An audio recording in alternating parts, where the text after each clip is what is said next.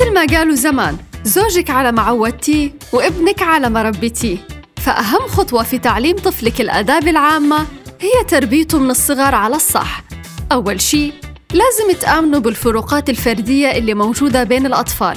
فتعاملكم حيكون مختلف مع كل طفل. الأمر محتاج منا صبر بس النتيجة بالتأكيد مرضية. البداية حتكون بالبيت. لما تحطي قواعد أساسية واحترامها واجب وممنوع التهاون فيها. ومن المهم تعلموهم احترام الآخرين وتكونوا لطيفين معهم خلال تصحيح أخطائهم.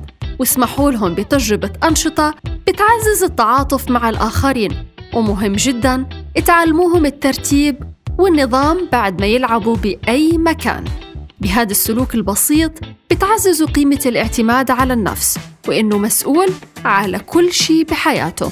في أمور بالحياة ما فيها دلع مثل تنفيذك لكل شيء بده إياه طفلك. خاصة بس يحاول يحرجك بإنه يصرخ أو يبكي بصوت عالي أو يقعد على الأرض بمكان عام ليخضعك لإله. وإياكم والتهاون مع أطفالكم لما يشتموكم أو يضربوكم.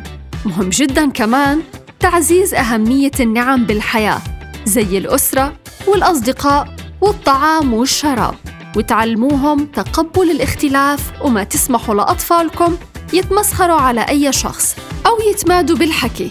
الطريقة الأسهل لتخلي طفلك يلتزم بكل المعايير والأخلاق النبيلة هي إنه يشوفها عليك وتكون قدوته في كل شيء لأنه الطبيعي يكتسب كل شيء من أهله مش من حدا تاني. فأساس موضوعنا هو مراقبتنا لأنفسنا كأشخاص ناضجين بالغين لنقدر نخلي أطفالنا محترمين مؤدبين وفيهم كل الصفات اللي تخلي الناس بس يتعاملوا معهم يدعوا للي رباهم